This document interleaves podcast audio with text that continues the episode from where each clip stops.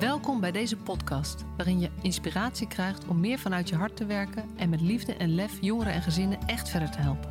Voel je waarde, voel de passie voor je vak, voel je professional vanuit je hart.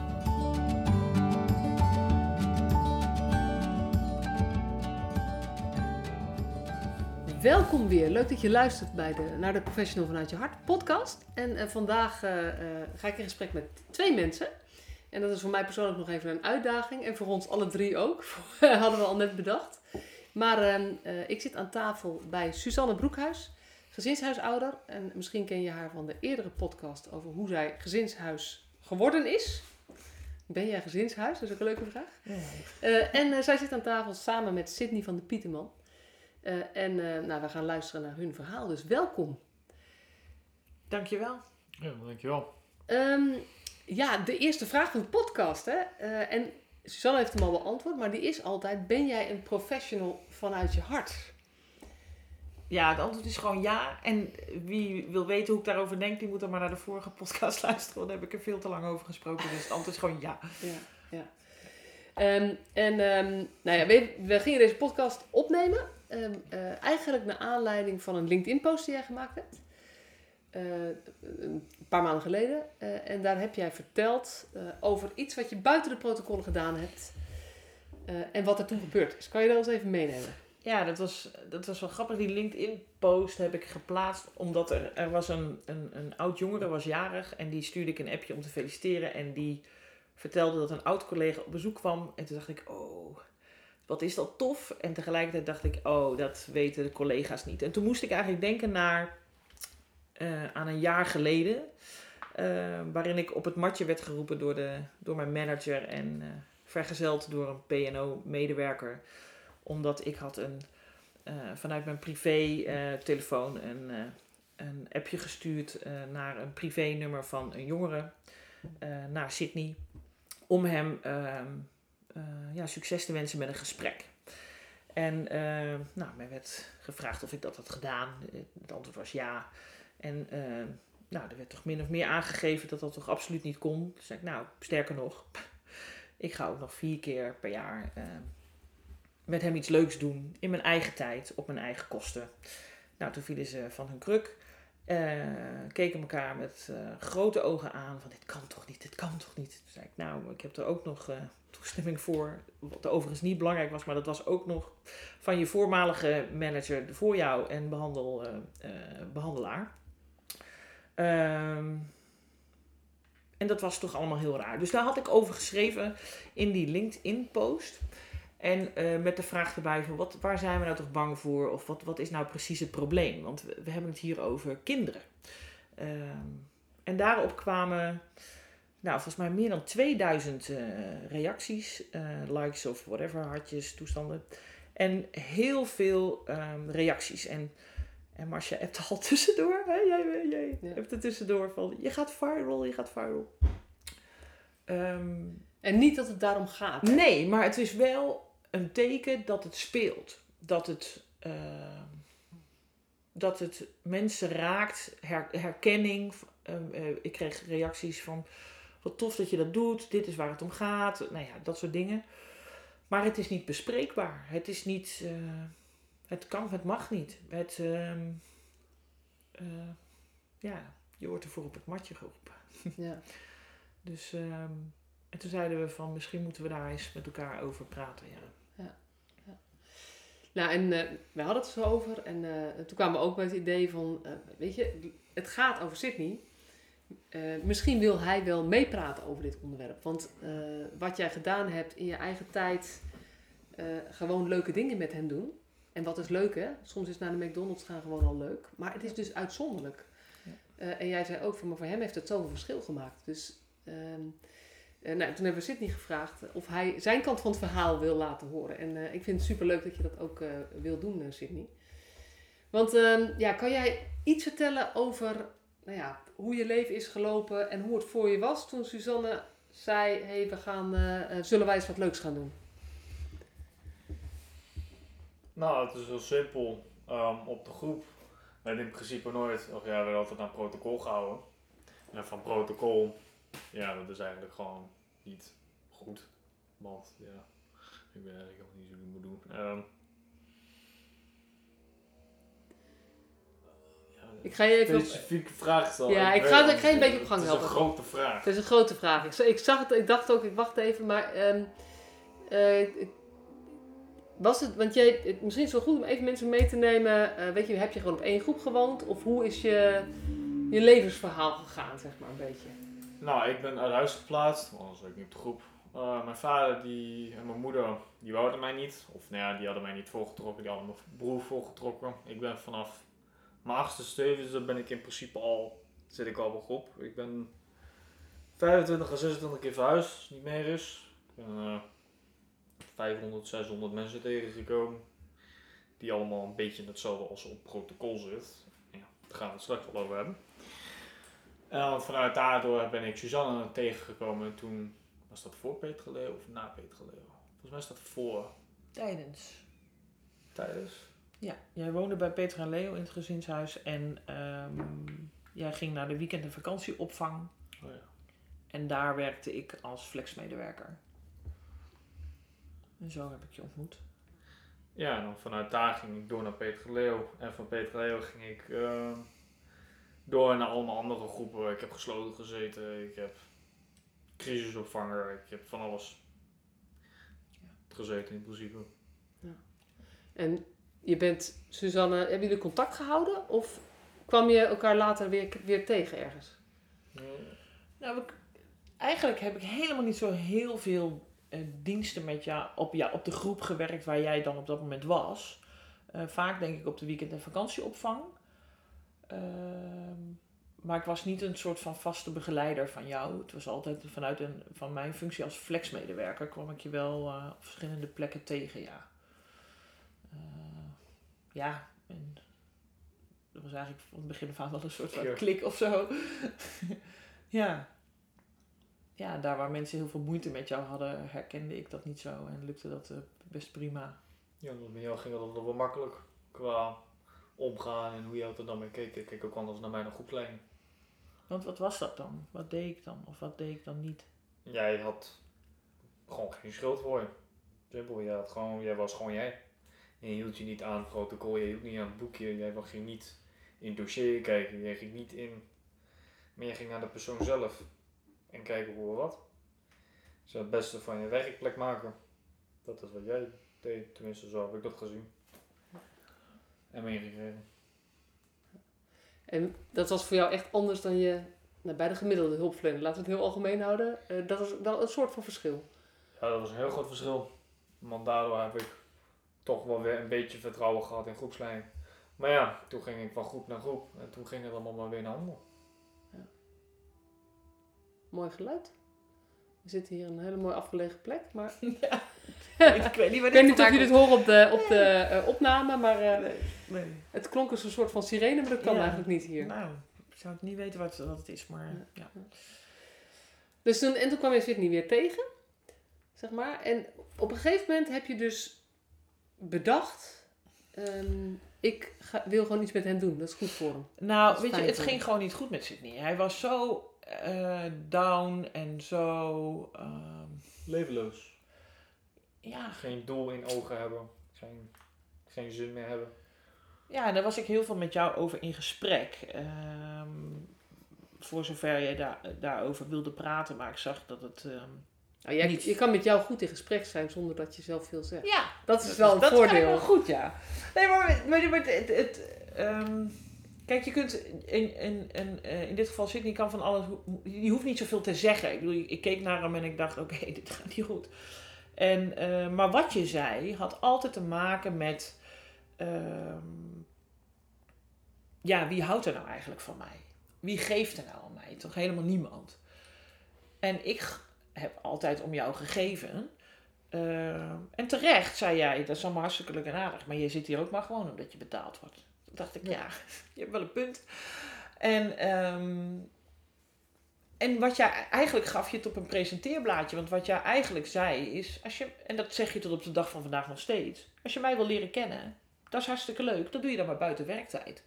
Dan weet ik in ieder geval zeker dat je het om mij doet en niet eh, omdat je, Geld. ja, om geld. Protocol. Ja, om Ja. geld. En, ehm, en dat, nou ja, dat heb ik gehoord en ik, en ik, ik dacht in ieder geval te begrijpen wat jij daarmee bedoelde. En ik had zoiets, nou, dat wil ik jou wel dan laten tonen. Als dat voor jou helpend is om je gezien te voelen, dan met liefde. En ehm, nou, daar ben ik eens even wat over gaan praten. Of ik heb een voorstel gedaan, geloof ik, van goh, zou ik dat kunnen doen, weet je? En de toenmalige gedragswetenschapper zei toen van, nou, ik vind het helemaal niet zo'n gek idee. Als jij het wil doen, dan eh, kon hem dat nog wel eens helpen. En eh, nou, toen heb je dat geloof ik voorgesteld, van zou je dat leuk vinden? Nou, toen zei ik, "Ja, vind ik- ja, het lijkt me wel wat. Nou, toen zijn we volgens mij de eerste keer naar de dierentuin geweest. Toen zei je, eigenlijk vind ik dierentuin geen flikker aan, want daar ben ik al zo vaak geweest, maar ik kon niet iets anders verzinnen. en, eh, maar daar zijn we toen geweest, het was eigenlijk super leuk. En je zei toen ook eh, in de auto, eh, weet je dat dit de eerste keer is dat ik, dat ik me niet zenuwachtig voel? Ja, dat ik er gewoon mag zijn. Kan je dat nog goed herinneren ook, dat moment? Ja, ik heb wel stukjes van onthouden, maar dat is al zo lang geleden. Ik, mijn gedachten, zoals mensen zeggen, ik heb een gat in mijn geheugen, maar dat is bullshit. Maar, weet je, ik heb Er is zoveel stukjes- gebeurd dat je niet alles kan onthouden. Nee. Dat is het meer. Ja. Dus ja, ik onthoud nog wel eens een paar dingen qua, maar zoals die, de, de zoo, het Nederlandse woord ken ik natuurlijk niet. De dierentuin. De dierentuin, daar heb ik vage kleine stukjes van, maar niet, niet helemaal. Maar geloof, toen zij de eerste keer zei van zullen we gewoon dus iets gaan doen buiten... Geloofde je het toen? Dat gaat ze ook echt doen. Nee, natuurlijk niet. Want dat hebben wel zo vaak mensen gezegd. Zoals een groepslijn. Je weet wel wie. Die heeft gezegd tegen mij van, nadat ze wegging. Ja, nee, ik kom er nog wel opzoeken. Nooit meer wat van weer gehoord. Dus dat- dat is zo vaak gebeurd. Dus ja. En dit, Suzanne was eh, een een van de eerste, misschien wel de eerste die dit zei, maar het ook echt deed. Ja. Nou, er waren er ook wel een paar die het ook deden, alleen die deden het voor werk. Die deden het om te kijken of ik geschikt was om op die groep te zitten. Want ik ben ook heel vaak van groep verwisseld omdat mijn gedrag anders was dan wat ze dat wouden.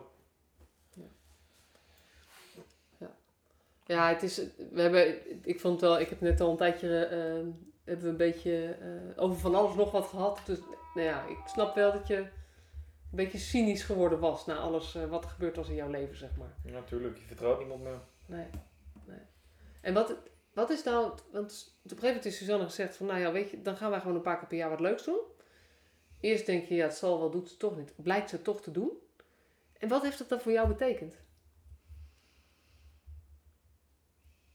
Dat is een moeilijke vraag. Ja, om toch nog te vertrouwen te houden aan mensen die het wel verdienen. Ja, ik weet niet. Ik moet uitleggen. Ik denk dat, eh dat Suzanne mij heel erg... Er is hier een, eh, een feestje aan de gang of zo. Of er is iets heel ergs. Maar Het is echt nog nooit gebeurd. nou, Ja, gelijk ken ik ook niet. Nee. Maar Suzanne heeft heel erg aan mij laten zien dat er toch nog ook wel leuke dingen, di- dingen zijn. Qua... Ja, gewoon met mensen die ik niet ben. Nou ja. dat er gewoon mensen zijn, blijkbaar toch mensen zijn die jou de moeite waard vinden. die toch nog buiten werktijd hun dingen doen. Er zijn ook heel veel mensen geweest die het ook wel hebben gedaan, maar op andere manieren. Ja, precies. Dit is dit voorbeeld waar, waar we het over hebben. En dat is ook goed. We hebben het trouwens dus even goed om te noemen met elkaar afgesproken. Het gaat niet om de organisatie eh, waar jij toen woonde of waar jij toen werkte, Nee, zeg maar. Dus die nee, noemen we ook niet. Het gaat ook niet om de namen of de voorbeelden waarbij het helemaal misging. Of, eh, maar het gaat eigenlijk om, dit is iets wat jou misschien, nou, misschien wel het allermeest geholpen heeft van alles wat je meegemaakt hebt in je, in je hulpverlenersreis, hulpverlenersreis. Ja, op dat punt wel. Ja. En het mag soort van niet. Nee, klaarblijkelijk zijn er dus echt wel ook managers en, en gedragswetenschappers die dat wel vinden. Want eh, hè, uiteindelijk heb ik het gewoon ook netjes besproken en is dat ook een soort van eh goedgekeurd. Al moet ik eerlijk zeggen dat ik, moet dat dan allemaal goedgekeurd worden. Maar goed, het was goedgekeurd. En toch komt er dan een volgende en die zegt dit kan absoluut niet. En, ehm, en, dat, en, en het absolute daarin, hè, dus zo overtuigd zijn dat het absoluut niet kan, dat verbaast me gewoon. Ehm, kijk, ik, hou, ik wil absoluut geen pleidooi houden dat je dat iedereen maar zijn privénummer moet geven en dat je maar met alle jongeren contact moet houden of dat je met iedereen in je vrije tijd van alles moet doen. Maar waar het heel erg om gaat is, eh, tenminste zo zie ik het vak, eh, is dat je werkt met, eh, met jongeren in mijn geval, maar nou, nu met kinderen, is dat ik ben altijd op zoek naar wat heb jij nodig zodat jij een stapje kan maken of in proces kan komen of in proces kan blijven. En, bij Sydney was het essentieel, wou ik ook maar iets kunnen doen, dat hij het gevoel had dat ik het meende als ik zei van je bent de moeite waard. Eh, en als ik dan daarvoor, om dat te kunnen bereiken, in mijn vrije tijd eh, naar de dierentuin ga met hem, dan is dat. Ja, en dat hij dat dan ook nog eh, ja op zegt, dat, dat, is een teken van eh, dat hij ehm, die, die reis echt wel aan wil. Alleen, nou ja, dat hij een soort van ander soort zetje nodig heeft. En, en ja, en is dat dan buiten werktijd? Wat, wat boeit mij dat dan werkelijk? Weet je, dus dat. ehm, ehm, als hij dat, ja, hij had het nodig. En, en, en ik vond dat het mijn taak was, want ik ben de hulpverlener, om hem eh, dan ja, daarin mee te nemen. Maar er zijn er ook veel mensen die dan op zo'n moment kunnen zeggen... ehm, ja, maar dat hoort dan toch bij de mentor. Bijvoorbeeld, hè? Dat als iemand zo'n taak zou hebben... Ja. Nog nooit gebeurd. Nou ja, als ik, kijk, het is heel simpel. Als ik zijn mentor was geweest, dan was ik toevallig de mentor die dat had gedaan. En was het misschien wat meer geaccepteerd geweest. Maar uiteindelijk gaat het natuurlijk niet om. Het gaat niet om, om onze functie. Het gaat om wat heeft, heeft een jongere nodig. En wat is mijn antwoord daarop? En, Nou, en misschien wel... en ook hij kiest. bij toch? wie voelt hij zich het meest Ja, fijn? Hij kiest. Prettig, weet je? En dus fijn voelen is een groot woord, maar... Nou ja, goed, ik had het gevoel in ieder geval van wij hebben een, eh, wij hebben een klik op de een of andere manier en waar het dan aan ligt, heb ik helemaal geen zin om over na te denken. Het was er. Eh, en dan denk ik, laten we daar gebruik van maken. Eh, zeker, al- kijk, als er nou massa's mensen waren die een goede klik hadden, dan denk je, nou, waarom, dan, dan zou ik me kunnen voorstellen, laat een vaste groepsleiding dat doen, of een mentor, of whatever. Maar dat was niet het geval. Het, in te- juist tegenovergestelde eigenlijk. Niemand kon wat met hem beginnen. En ik wel. Dan denk ik, nou, volgens mij moeten we dat niet ingewikkeld doen. Dan ben ik dus de deur eh, op de een of andere manier. En, eh, en eh, ik vind het zelf ja, een eer dat hij dan zich veilig voelt bij mij. Dat is, dat is dan gewoon prachtig. En dan denk ik, ja, als ik die kans niet pak, dan... Ja, wat doe je dan? Dan ben je gewoon geen hulpverlener. Dit is toch dit is de essentie van mijn werk. En, dat en, en dat het... Ja dit, ja, dit is dus zo'n vak waar je dus niet kan zeggen... het is een eh 9 tot 5 baan en eh, dit is je takenpakket. Nee, het is dus zoeken en het is soms passen meten. Het, eh, en soms moet je... Ja, nou heel vaak trouwens moet je, moet je buiten de kaders denken. Omdat al die kinderen... Ik heb er geen één in al die jaren meegemaakt waarvan ik dacht... oh ja, dat is exact hetzelfde als die ander. Het is elke keer weer zoeken. Het is elke keer weer kijken. En mijn taak is om, ja, om dat aan te bieden wat die ander nodig heeft. Of mee te gaan zoeken van hoe krijgen we dat dan voor elkaar. Ja. Ik krijg echt gebaren nu al dat ik minder moet praten. Maar dat is... En zo leer ik ook van hem ook, hè. Eh, ja. Maar dat, dat zei je natuurlijk net ook al. Hè? Ja, weet je, het werkt gewoon niet volgens protocollen. Nee. Maar kan je er nog wat meer over vertellen wat je ermee bedoelt? Ja, het is wel simpel. Iedereen die kijkt, zoals ik al zei, naar het boekje.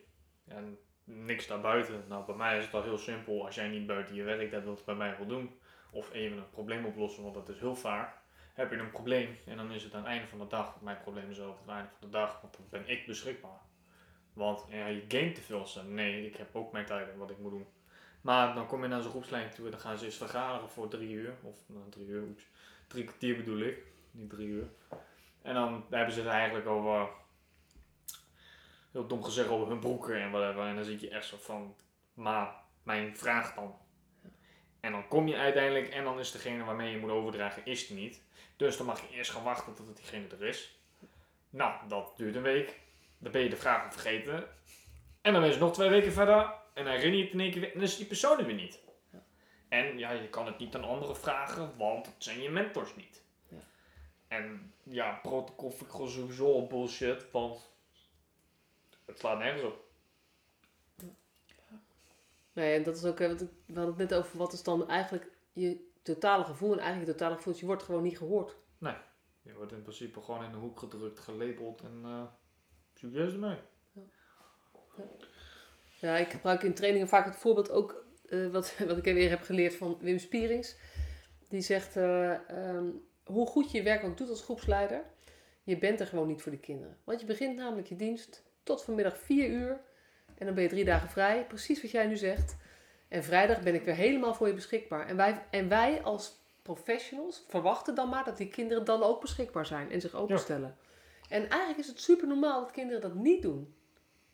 Ja. Maar dat is wel waar ze allerlei eh, meningen en oordelen weer over krijgen. Ja, dan word je gelabeld van, oh hij luistert niet, oh hij wil niet meewerken, oh hij wil dit en zo en zo niet. Dat is heel simpel, ik heb ook gewoon een label. Ja. Weet je, als jullie niet naar mij willen luisteren, luister ik ook niet naar jullie. En dat heb ik heel veel gedaan bij groepsleiding en bij mensen die niet willen luisteren. Daar heb ik het werk erg en help voor gemaakt. Ja, dat zei je echt. Je was echt een... eh, Ja. een ehm, nou ja, je hebt nu aardig weggepest, zei je ook, volgens heb mij. ik ook. Ik heb er sowieso 4, 5 weggepest, als het Ja. niet meer is. En was dat dan een bewuste actie van je? Omdat je dacht, van, ja, jij Ja. bent gewoon echt niet oké voor dit werk? Of voor mij? Luister niet. Jij luistert echt niet naar mij? Ze doen gewoon niet wat. Want we hebben ook een zoals dat boekje. Houden ze zich niet aan. Of nou ja, daar houden ze hier zo aan, maar niet in mijn ogen. Want in mijn ogen is dat boekje anders dan bij groepsleiding.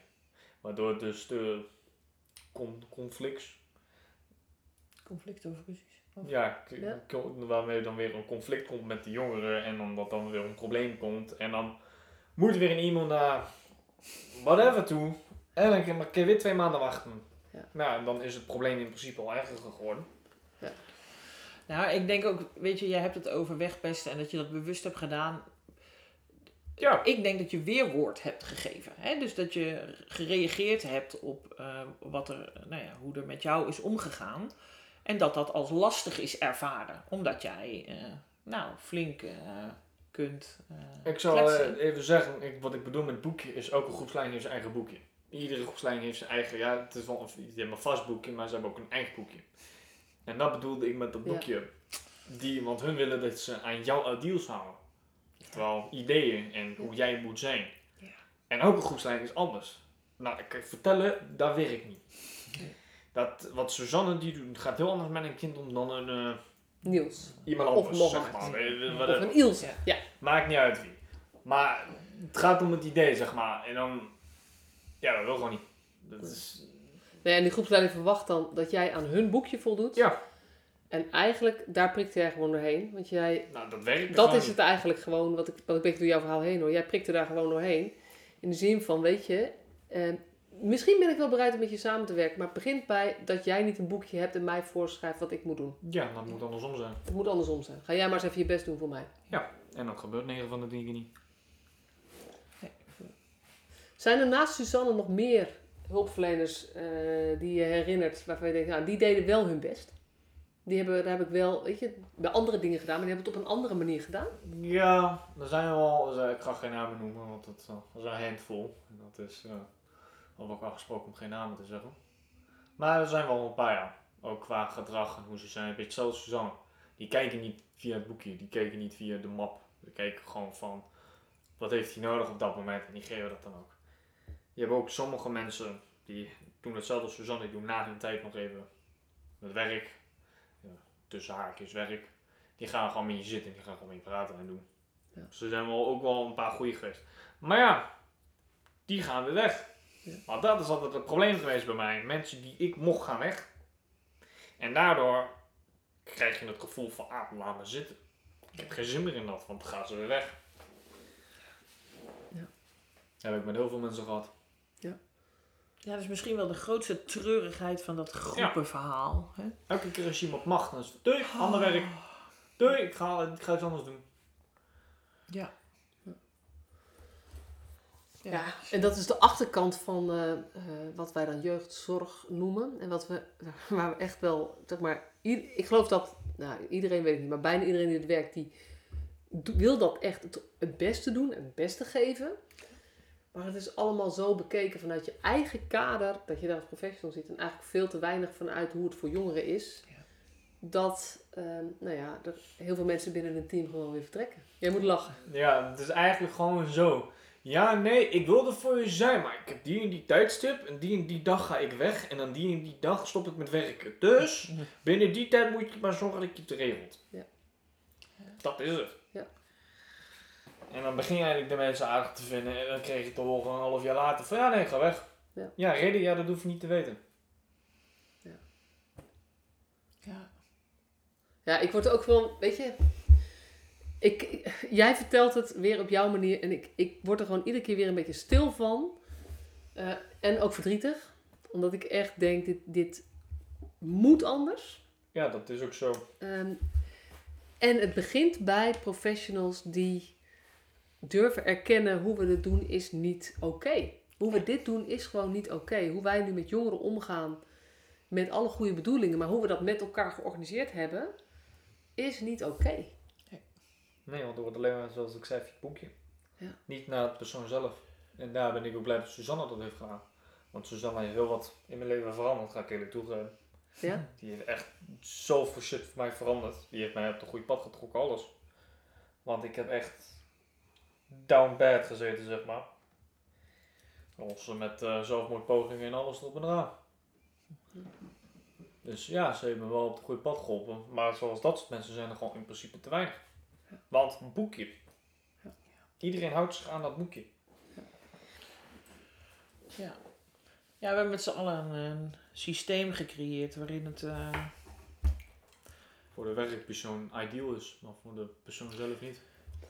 Nee, het lastige is dat de ruimte zeg maar, om je eigen eh, idee van hulpverlenen in te vullen, wordt steeds eh, kleiner, die ruimte. En inderdaad, nou ja, jouw ondertitel is niet voor niks eh, met lef, liefde en lef ook. Maar ik merk zelf ook dat ik het, dat ik het ook, nou ja, als ik op, op zo'n bandje word geroepen, dat ik dan ook even de schrik in mijn benen heb en denk, oh jee. Ehm, Ja, tegelijkertijd blijf ik het ook doen omdat ik niet anders kan, maar... ehm, Alleen voor een berichtje.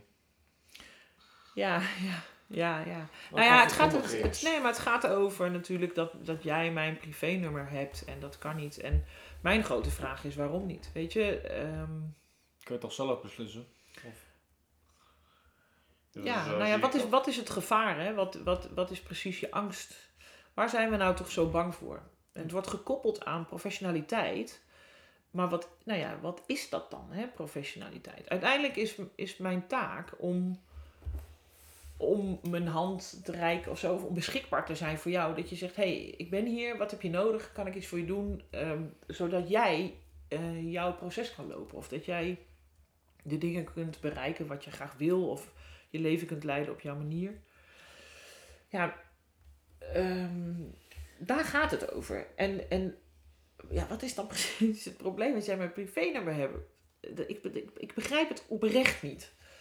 Maar zou het bescherming voor de medewerker zijn? Ik probeer eventjes om te denken, de andere Nou ja, goed, kant. kijk, eh, ehm, als, als ik het gevoel heb, oeh, oeh als, als, als zo'n jongere mijn nummer heeft, dan, oh jee, dan kan hij mij de hele tijd bellen. Ja, als jij je niet fijn bij voelt, geef niet je nummer. Ja. Weet je, helemaal geen enkel probleem. Ik snap dat heel goed dat mensen zeggen, nee hoor, tot hier en niet verder. En ik wil, als ik thuis zit, wil ik niet nog een keer geappt worden of whatever. Prima. Maar leg dan niet een soort regel op voor iedereen. Ehm, ik heb er geen last van. Sterker nog, deze kinderen hebben vaak helemaal niemand. Of heel weinig mensen waar ze een serieus antwoord krijgen op een vraag. Of even zo'n zetje in de rug. Of even een berichtje, ik geloof in je, je kunt het. Een duimpje, zet hem op, enzovoort. En ehm, hoe fijn is het dan dat, eh, dat zo'n jongere een nummer heeft die die wel kan appen. En dan dat duimpje krijgt. Met liefde geeft dat. Heb je een voorbeeld? Wil ga verder. het is heel leuk. Ik, ik ga je vertellen wat hier gebeurt. Ja. Suzanne Ik praat. kletst makkelijk. Ja. Praat makkelijk. Praat ook zinnig. Ja. Maar eh, het is al een paar keer gebeurd dat Sidney hier zit en nu stak hij echt zijn vinger op. Ja, ik wil, En- nee, ik wil jou wat vragen, maar... En Suzanne die, eh, die praat gewoon, Ja, eh, ik- gewoon lekker door. Ik zie, eh, Ja. ja. Ja. Ja. Maar de- ik denk, laten we alsjeblieft de vraag stellen: ehm, wat, is, wat, wat, wat is het ergste wat er kan gebeuren? Ja, doe maar. Ja, dat, Ja. Ehm, dan kan je iets over het verleden vertellen dan, hoe dat was of is. ja, in welk opzicht? Ja, dat is de grote vraag. Ja, Ja, precies. ja ik heb het er wel gewoon zo neergeschreven. Precies, dus ik ben benieuwd wat jij, want jij, jij hebt toch, jij had een gedachte waarom je er nu aan dacht? Ja, qua waarom ik eigenlijk het begin, vanaf het begin af aan op de groep zit. Zeg Ja? maar. Ja? ja. Nou, het is heel simpel. Mijn moeder, die was niet helemaal, ga ik ook eerlijk zeggen, die was niet helemaal 100. Die was niet, de, was niet meer de kop bij. De aankomende vijf jaar was ze al niet. Nou, mijn vader, die, die luisterde maar normaal omdat hij er bang voor was. Nou, en toen werd dat besloten, toen zat ik op de groep. Nou, mijn ma ging dood. En dan kreeg ik allemaal verhalen te horen, zo van, ja nee, maar je ma die, die wou niet. Die wou dat jij een meisje was, die, eh, lang verhaal kort, maar, maar die mocht mij niet. En dan kom ik op, later, op een latere leeftijd kom ik daarachter aan. En nu zie ik dat ook. Maar ja, nu zie ik ook hoe mijn vader in elkaar steekt. Op een volwassen standpoint. En dan zit ik ook zo te denken, zo van kerel, what the fuck? Je bent mijn vader. Waarom heb je mij achtergelaten? Waarom heb jij niet geholpen? Waarom deed jij niet de dingen die je moet doen? Maar bij mij het ergste was toen ik, eh, ik had zo, dat heeft Suzanne nog niet gezegd, maar ik had altijd, we hadden zo'n bord met zo'n eh smiley ding geval van, van wat ik het meeste wou en dat was naar huis. Ja. Maar ja, als je dan te horen krijgt voordat je naar Peter Leo, Peter Leo gastgezin, of nou ja, hetzelfde gezinshuis. En toen kreeg ik te horen van ja, ik kom niet meer thuis. En dan komt de vraag waarom. En maar die vraag die wordt gewoon niet beantwoord. Nee. Nou, dat is wat jij net ook vertelde. Even los van dit voorbeeld. Dat voor, voor een jongere, voor een kind. Er wordt zoveel over je gepraat, over je besloten, over je geschreven. Wat jij niet weet. Vragen die je hebt waar je geen antwoord op krijgt. Ja. En ondertussen wordt maar verwacht dat jij je braaf aan de regels houdt en meedoet. Ja. En dat was waar bij jou, zeg maar, dat matchte gewoon niet in je hoofd. Nee, ik ga niet aan andere mensen ideals houden als hun dat niet aan die van mij doen. Precies. Want ik moet me wel aan die personen zijn regels houden, maar niet andersom. Het is, ook, het is gewoon een soort van... Als je respect toont, kan je respect terug verwachten. Ja, dat is bij mij heel veel. Dat is bij mij in principe mijn regel. Als jij wat voor mij doet, doe ik wat voor jou. Maar niet meer en niet minder. En dat herken ik eigenlijk bij alle jongeren die ik ontmoet heb. Dat als, je daarin, als, je, als jij begint met investeren, Krijg je er ook wel voor terug. dan, dan openen ze zich eigenlijk zo snel en zo eh, bijna, bijna makkelijk dat ik. Dat ik dat is, dat, dat is eigenlijk al- vind ik zo bijzonder. Maar bij mij viel wel mee. Maar, eh, Qua hoe, hoe ik openstel, dat viel eigenlijk nog wel zo mee. Qua hoe snel. ja, maar je was met mij gewoon in contact. Je kwam beneden. Maar ben jij gewoon heel selectief geworden, hè? Geworden, ja. Gewoon door alles wat je meegemaakt hebt en door... Ik kan heel goed mensen inschatten. Ook. Zoals jij bijvoorbeeld. Of u of whatever. Nee, zeg alsjeblieft jij. Dus ik ben benieuwd hoe ik door, door jouw Valentijnscommissie kom nu natuurlijk, hè? Nou ja, ik kan heel goed zien aan welke mensen je wel wat hebben en welke mensen je niet in hebt. Omdat ik heel vaak door de ring ben gegooid. Zoals met werk. Vanaf mijn 14e ben ik in principe al volwassen geweest. Omdat ik moest werken. Vanaf mijn 15e in principe werkte ik al. Ik, moest, ik had een baan, ik kreeg geld en ik moest u betalen, zeg maar. Ja. Ik had alles wat ik moest hebben, zeg maar. Ja. Qua werken. Maar ja, toen eh, kwam Suzanne. En toen ging dat allemaal een andere kant op. Ja. Want hoe ik het deed was niet goed. Vond ik zelf dan, hè. Suzanne zegt altijd van, je moet je eigen ding doen. En dat heb ik ook altijd al gedaan. Maar ze heeft me wel het goede pad geholpen van, ja, kijk wel naar wat je doet. Ga niet blindelings erin. Ja, precies. Want weet je, je bent, het- je bent door schade en schande, zeg maar, en door al die teleurstellingen, word je, op- lijk je op een gegeven moment heel hard. Yep. En gaan mensen allerlei dingen van je vinden. Van hij, hij is zelfbepalend. Ik, ik, weet je, ik ken jouw dossier niet, hè, maar ik ga even wat termen noemen die er vast in voorkomen. Hij heeft een autoriteitsprobleem. Eh, er zal vast ook hier en daar wat agressie geweest zijn. Oh, Eh, genoeg. precies, dus dat, Ja. dat, ik, ik kan een soort van dossier maken. Maar wat we niet zien, is dat dat een gevolg is van wat er is gebeurd. Ja. En wat er nodig is eigenlijk, is wat jij zegt, weet je, als, iemand, als, als ik het gevoel heb dat gewoon niet respectvol met mij omgegaan wordt, dan, ga ik, dan heb ik ook geen meer respect meer voor jou. Ja, als een jongere wat vraagt, dan doet hij dat met een reden. Dan Ja. doet hij dat niet om een vraag te hebben. Dat is- Hij doet het om geluisterd te Ja. worden, slash Ja. om toch die aandacht te krijgen van. Ja. En dat zei je net ook, hè, van het, is, het is zo gruwelijk stom dat je eerst moet allerlei dingen moet doen Ja, voordat je eigenlijk normale dingen gedaan, je- gedaan krijgt. Het was een plek waar je was, en de, de- waarbij je zeg maar, dan moest je je eten opeten voordat je op ja de dat laptop was nog gesloten. Dan ik, Ja. heb, ik ga ook eerlijk toegeven, ik ben heel Nederland door geweest. Ja. 25 keer, 26 keer vuist. Ja, ja. Ik weet niet precies, volgens mij 26 keer of 25. Uh, Ja. Doet niet toe. Maar daar was ook, ja, dan moest je je eten opeten. En als je dat niet deed, dan mocht je blijven zitten. Ja. Dat was opgesloten. Maar bij die gastgezin, ik was toen, tiener, ja, 15 jaar, toen was het heel erg met wifi. Ja. Dus ehm, dan was het, ah je eet je bord met eten niet op, ah, dan weet ik geen wifi. Ja, en dat is gewoon heel lastig, want ik, ik werk heel veel met professionals en die gaan dat doen omdat ze het gevoel hebben dat ze dan, De macht hebben. Ja, dan zal ik het niet formuleren, maar dat ze dan grip hebben op de situatie. Maar wat er gebeurt, is het wordt een machtsspel en jij, weet je, jij liet dat niet gebeuren. Nee, natuurlijk niet. Nee, maar heel veel jongeren wel, ook. Ja, maar dan komt dat we nog bang zijn. Qua, dat ben ik ook. Dat geef ik. Ik ben zelf ook heel erg bang. Dat, eh, daar hoef ik ook niet omheen te draaien. Waar ben je bang voor dan? Dat het allemaal fout kan gaan. Met jezelf of met... Sowieso, ik ben sinds dat ik hier... Wacht hoor, ja, weet je, we gingen een beetje tot het eind verhalen. Dus misschien is het wel leuk om dat eventjes te vertellen. Weet je, nou, je, had die, ehm, eh, je bent vorig jaar, eh, was je op dat matje geroepen om, eh, ehm, eh, omdat je met Sydney dingen deed. Wacht even, ik dacht... eh, Nee joh, helemaal leuk, het is Ja. leuk.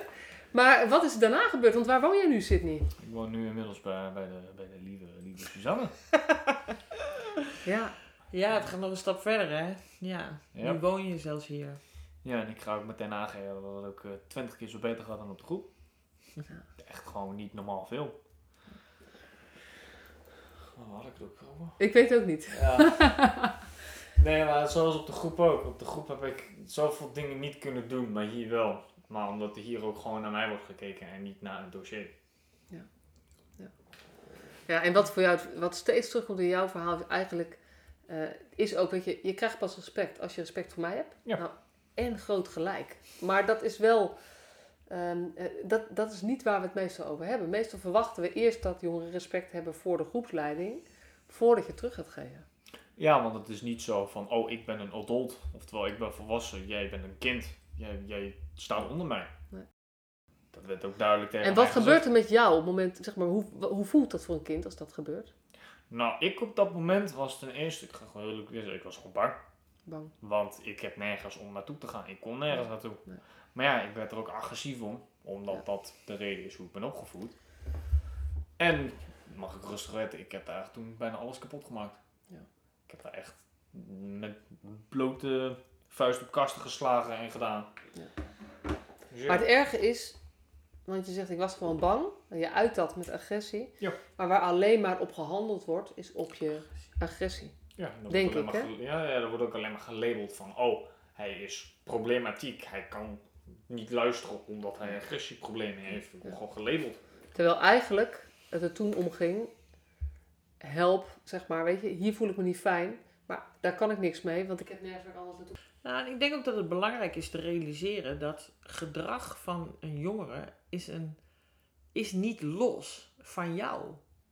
In relatie met de jongere is het gedrag van de jongere ook een spiegel van jouw gedrag of jouw houding. Dus als jij merkt dat je heel veel agressie eh, terugkrijgt, ja, dan kun je zeggen het is een hele agressieve jongere. Je kunt je ook afvragen wat jij doet waardoor een jongere de neiging heeft om zich agressief te gedragen. Omdat ik geloof gewoon niet dat er ook maar iemand is die het leuk vindt om dat er agressieve mensen bestaan, zeg maar, in zijn. Nee, het is een, het is een copingstrategie. Het is een reactie op iets. En ik denk dat het eh, goed is om daarnaar te kijken van wat, eh, wat doe jij waardoor die jongere zich eh, zo gedraagt. En het is communicatie. Maar dit is wel een, weet je, ik denk dat wij hier wel hetzelfde kijken, maar ik merk dat dit wel een heel gevoelig onderwerp is. Ja. Het gaat natuurlijk ook nu veel over agressie richting hulpverleners, ook vanuit ouders. En weet je, natuurlijk, dat mag niet. Nee. En dat is ook goed dat het daarover gaat. Maar ik vind dat we het daar niet over mogen hebben, zonder dat we het erover hebben wat maakt dat Ja. jongeren of ouders agressief worden. Nou ja, ik, Machteloos voelen. Ja, ja, het is dit. Het ja. is dit. Ja, het is niet, niet kunnen bepalen wat degene doet, want dat heb ik ook nu met een hond. Ik heb toevallig een hond van vier maanden oud. En dan zit ik ook alweer toe echt te denken voor een hond. wat- Waarom? Denk na voordat je wat doet. Ja. En dat zeg je tegen een hond. Ja. Ja, en dat is in Ja. principe word je gewoon hetzelfde behandeld als een hond. Ja. Op de groep ook. Ja. Je wil niet luisteren, oké, dan doen we straf. Ja, het is, het Maar is, als ik jou nu zo, weet je, ik oh, heb je vandaag voor het eerst ontmoet, hè? En eh, je vertelt een beetje, je vertelt over eh, wat voor jongeren je was op de groep. Nou, weet je, dan zou ik ook bang voor je geweest zijn waarschijnlijk. Ik, heb, ik, ben niet zo'n eh, ik ben niet zo'n zo'n zo'n eh, waaghals. Eh, de vraag is of ik zoveel agressie opgeroepen zou hebben. Dat, dat is de andere kant. Maar ehm, Automatisme. zit, zit daaronder niet... Want, want zoals ik je nu denk ik, joh, je bent ook gewoon een gevoelige jongen. Ja, Tuurlijk. Ik weet, Tuurlijk. Dat is iedereen. Weet je, dat zijn jullie ook wel eens. Jullie zijn ook wel eens gewoon... Daar ben je mens voor. Precies, ja. Als, ik heb, dat had ik heel erg in de stad, op eh, de volggroep waar ik heb gezeten. Dat was, eh, dat ging de deur uit, voelde ik me al bedreigd. Ik durfde de deur nog niet eens uit te gaan. En eigenlijk hoe banger je werd, hoe Erger ik me afgesloten maak. Ja. Ja, ja. En helpt, helpt het dan als eh, groepsleiding, eh, als die dan gewoon kijken achter dat pozige gedrag? Is dat wat nodig is? Dat, is dat ze dan eigenlijk zeggen van, hé hey joh, ik zie wat je doet, maar ik zie ook dat je eigenlijk bang bent of zo. Ja, en dat ze dan niet gaan kijken naar het probleem. Maar, wat was dat ook weer? Ehm, ik weet alleen het Engels. Maar. don't treat the cause but the symptoms. Mm. Ik Ja. Ik weet niet hoe je dat in het Nederlands Don't, zegt. eh, precies omgekeerd, don't Ja. treat the symptoms Symptoms. but the cause. Ja, Ja, dus zoek... eh, ja. oplossing voor het probleem en niet Ja. voor het... Ja, voor, we zien. Ja, sterker nog, ik, dus het is een van de eerste podcasts is met, met Mike van der Velde. Die heeft ook eh nou ja, het nodige gedaan meegemaakt in zijn leven. Die werkt nu met jongeren die het moeilijk hebben. En eh, wat hij zei, probleemgedrag is ook een oplossing. Dat is het. Maar het is Het begint als oplossing. En op een gegeven moment wordt het een automatisme. Maar dan gaat het alleen nog maar over dat zichtbare gedrag. En niet meer over degene die, er, ja, die eronder zit, zeg maar. Ja. Ja, en wat ik het meest, eigenlijk het meest schrijnende en erger vind, is dat op een gegeven moment een jongere ook denkt, ja, dan ben ik, ik ben ook agressief. Ik, bedoel, ik weet nog heel goed, is het iets met jou dat jij mij probeerde te overtuigen hoe agressief je was. En met allerlei voorbeelden kwam om te bewijzen dat je echt heel agressief was. En ehm, Maar dan word je je eigen dat is het. probleemgedrag. Dat is het. En dat ben je gewoon niet. En, en, en ja, ik, ik, ik was daar. dit- dit- eh, ja, ik- En jouw boeit niet. Nee, dat zei ik ook. Ja, ik weet niet waarom je het me vertelt, maar ik ben niet bang voor je en dat ga ik ook niet zijn. Ja, omdat het een defense En, eh, mechanism is. Ja, maar jij wilde mij ook eens, volgens mij beschermen of zo van wees op je hoede, want ik kan heel gek uit de hoek komen. En ik dacht, nou nee hoor, dat eh, denk ik niet. En als dat zo is, dan is daar vast een goede reden voor en dan gaan we daarmee, gaan we daar naar kijken, weet je. Dus haal adem, het komt goed. En, ehm, maar het is goed te realiseren dat het, wat jij, precies wat jij zegt, het- dat wat je laat zien, doe je niks voor niks. Hmm. Je probeert daar iets mee duidelijk te maken. En als je daar benieuwd naar kan zijn, zonder eh, jou op te leggen hoe jij je moet gedragen, eh, want dat is niet zo boeiend, eh, dan kom je al een heel stuk verder. Ja, want het probleem is elke keer bij, als je bij een andere groep komt of je komt bij iemand inwonen, zijn het weer andere dingen waar je moet aan letten. Ja. Ik heb zoveel dingen meegemaakt dat ik echt denk, zo van, what the fuck? Ja, dan moet het weer anders. Het is eh, dan, dan, Dan denk je dat je het goed doet. gewoon kom je ergens voorbeeld. anders. Eh, Ja. Gewoon een heel dom voorbeeld. Dan pak je een bord, moet je een afwas doen. Of in de vaatwasser moet je dit doen. Bij een andere groep moet je meer eens afwassen dan de vaatwasser doen. Bij een andere groep hoef je hem alleen maar voor te spoelen op het ding te leggen en dat doet iemand anders hem in de vaatwasser. Echt. Nou, en als je het dus niet doet op de manier zoals het daar gebeurt, dan doe je het dus niet goed. Ja, en dan krijg je straf en dan worden dingen afgepakt en dan Ja. krijg je de flikker. Ja, En, en ook nog eens een keer dat eh, op het moment dat je naar zo'n andere groep gaat, is het nou ja, de 13e, 14e, 20e verhuizing. Je hebt wel wat anders aan je kop dan weten hoe de regeltjes rond het vaatwassen gebruikt zijn op dat Ik moment. ga eerlijk zeggen, bij de vijfde groep dacht ik af, zoek het lekker uit. Ja. Ja. Want Ja, in, het dus- in het begin Ja. wou ik het heel Ja. goed doen. Ja. Maar, Maar dat raak je dus gewoon kwijt, hè? ja. Ja. En ik snap het heel goed. Ja. Want ik had op de laatste, voordat ik bij Suzanne kwam wonen, was ik echt levenloos. Dat ga ik ook eerlijk toegeven. Ik ben zo levenloos. Ik, eh, Ja, maar dan zakt gewoon een moedje in de schoenen en dan weet je ook niet waarvoor doe ik het nou. En, Ja. ehm, ik had En misschien is, misschien is dat ook wel een mooi moment van dat, dat moeite met opstaan. En jullie vertelden ook van, weet je, hoe, hoe is dit gekomen eigenlijk dat je bij Suzanne bent gaan wonen? ja, het is toch... Nou ja, Ik goed, ben wij, wel goed in mijn uh, toegeven. nou ja, goed, wij, ehm, ehm, wij startten zeg maar vrij plotseling het gezinshuis. We waren al bezig met de organisatie om dat te doen. Maar op een gegeven moment kwam er een vraag om vijf kinderen op te vangen. En anderhalf week later woonden we met die kinderen in een overbruggingshuis. Dus dat ging heel snel. En ik wilde dat Sydney dat van mij hoorde. Dat ik, nou ja, dat ik dat ging starten en dat dat aan de hand was. En dat was in een periode dat het gewoon niet goed eh, met hem ging. En ehm, hij zat bij mij in de auto, echt, eh, ja boeien, ik vind het best. eh. Ik legde hem uit dat de afspraken gewoon door zouden gaan. Dat ik nog steeds leuke dingen met hem zou gaan doen. En hij was dus, ja, wat je wil, ik vind het best. Ik geloofde, en opeens, we waren vlak weer terug bij zijn groep. En eh, hij kijkt me aan en zegt, kan ik niet met je mee? en eh, opeens was er weer licht in je ogen. En eh, je veerde echt op. En je begon, ja, maar dat is het, dit is het, dit is de oplossing. En toen kwam hij met een heel pleidooi. En ik zei, jongens, ik moest wel lachen, want wij, ik had al tegen mijn man gezegd: van nou, als we een gezinshuis gaan beginnen, moeten we eh, er rekening mee houden dat het zomaar zou kunnen zijn dat het niet meegaat. Ehm, dus we hadden het al lang over gehad. Maar ehm, eh, toen hij daarover begon, eh, ben ik eerst een beetje advocaat van de duivel geweest. Van joh, jij bij vijf kinderen, joh, je, je houdt helemaal niet van lawaai. Dat spul dat maakt alleen maar lawaai. Eh, weet je het wel zeker? En eh, van dit is toch niks voor jou? Jawel, en dat is ideaal. En dan kan ik eh, mijn tijd inhalen als kind. En dan ben ik een grote broer. En Ja, Jij- jij kan me wat leren, dat weet ik zeker. Nou, je ging helemaal los. Ja, toen wist ik gewoon, eh, je gaat gewoon mee hoe dan ook. We moeten het gewoon regelen. Ja, en dat was ook wel leuk, want in de dat heb je het ook wel verteld. Op dat moment dacht je ook, joh, of ik er nou geld voor krijg of niet. Nee, maar daar gaat het niet om. Daar gaat het niet Nee. om. En denk dat is weer precies het verschil Nee. wat, wat, wat jij ook, eh zeg maar, met- Ja, het moet buiten werktijd, maar ook dit. Ja, het is ook gewoon nog helemaal niet geregeld ook. Hè? Dat, er, er komt wel, uiteindelijk komt er wel een, een indicatie, denk ik. Maar het is allemaal nog helemaal niet geregeld. En het, weet je, het boeit me niet. Het, eh, daar gaat het niet om. Weet je, dit gaat over... Kijk, ik geloof heel erg dat we op de wereld zijn om elkaar te helpen. En dat het je taak... Kijk, het is niet mijn taak. Mijn doel is niet van, om te zorgen dat ik een zorgeloze oude dag krijg of zo. Of dat ik een mooi huis heb afbetaald en dat ik dan op vakantie kan. Dat is niet waar dit gaat over in het leven. Voor, mij dan, hè. Dus ehm, als je dan zo'n jong mens eh, eh, tegenkomt die eigenlijk zo in nood is en die denkt, die, die, waarvan ik zie dat er iets, eh, nou ja, iets weer levend wordt wat eh, op het moment dat hij denkt eh, van hé, hey, misschien kan ik wel met je mee. Ja, dan is het mijn taak om het te regelen gewoon. Maar daar ben je toch ook hulpverlener voor? Voor mij wel. Voor mij geldt dat zo, ja. ja. Dat, dit, dit is de bedoeling. Als we met z'n allen, dat is de nieuwe term natuurlijk in de jeugdzorg, eh, we- terug naar de bedoeling.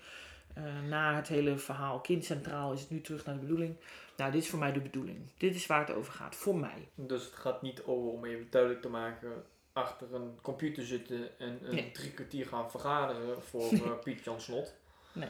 En dan eh, uiteindelijk niks voor de jongeren doen. Ja, precies. Dit is waar het over gaat. Daar gaat het om. En waar, wat eh, voor jou het verschil maakt, is dat Suzanne jou gewoon zag, maar ook gewoon zich aan je verbonden heeft. Op een bepaalde manier. Ja, die niet, zij denkt niet aan van, oh, regeltjes, oh, mijn baan, oh.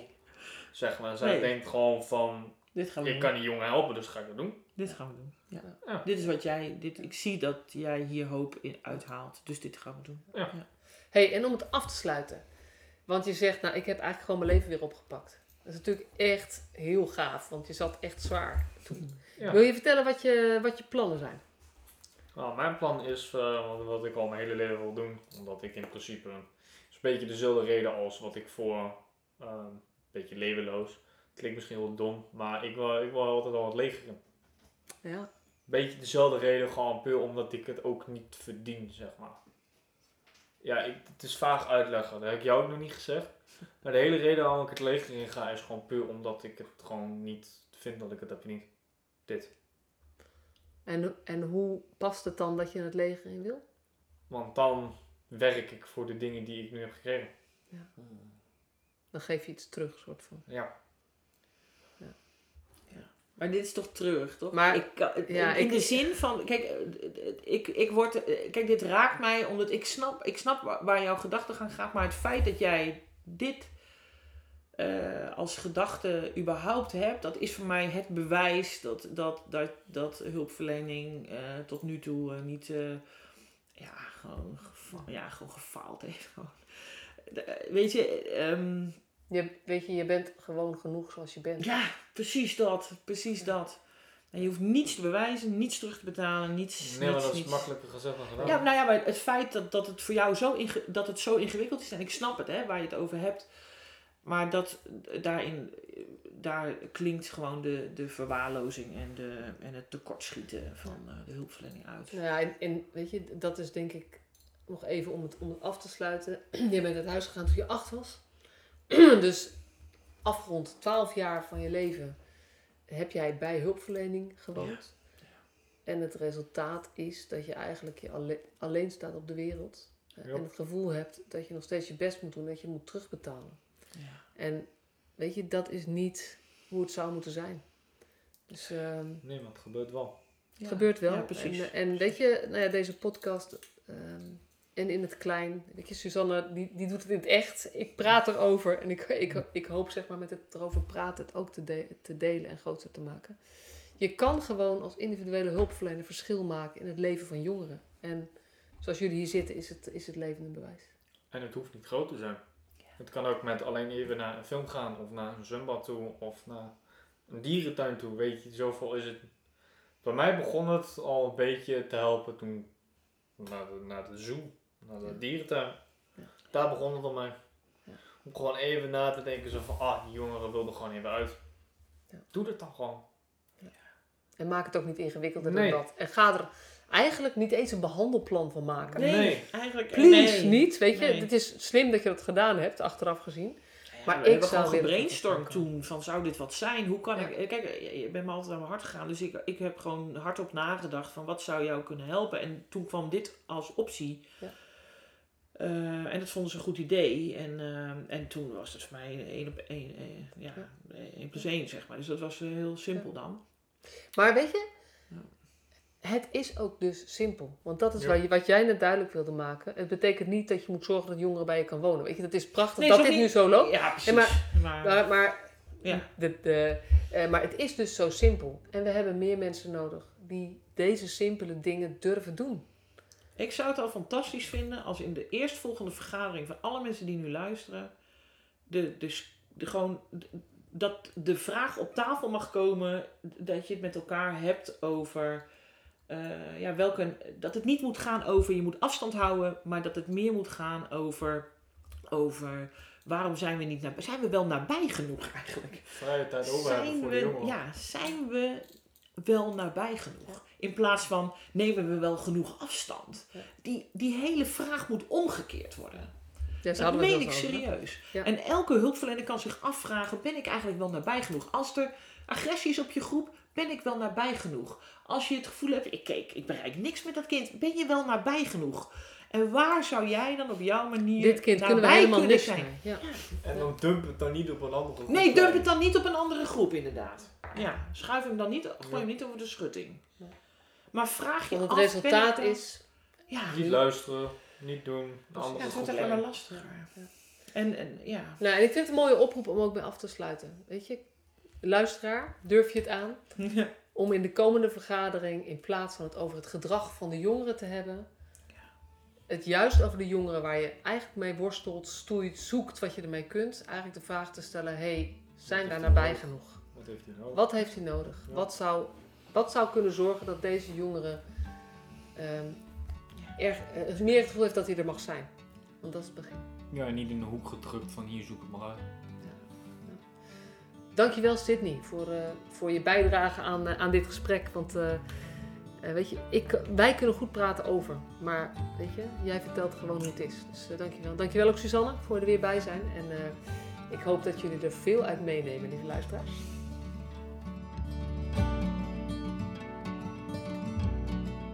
Superleuk dat je weer luisterde naar deze podcast. Dankjewel. Nog even kort een paar belangrijke dingen.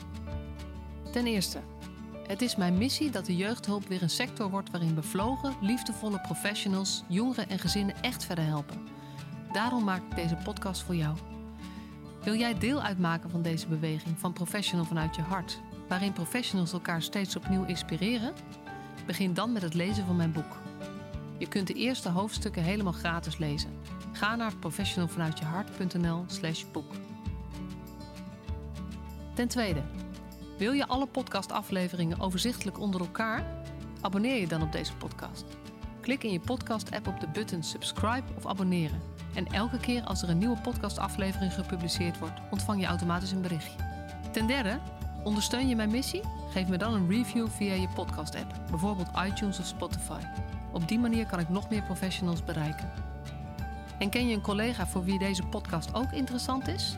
Dan zou het super zijn als je hem of haar de podcastaflevering doorstuurt. Bijvoorbeeld door de link te kopiëren via Spotify. Ik vind het altijd heel leuk om berichtjes te ontvangen van luisteraars. Om te horen wat je van een podcast vindt. Of als je misschien vragen of suggesties hebt. Of als een aflevering je een bepaald inzicht heeft gegeven of er iets in beweging is gekomen. Stuur me dan even een berichtje op masha.professionalvanuitjehart.nl via de website of stuur me een connectieverzoek op LinkedIn.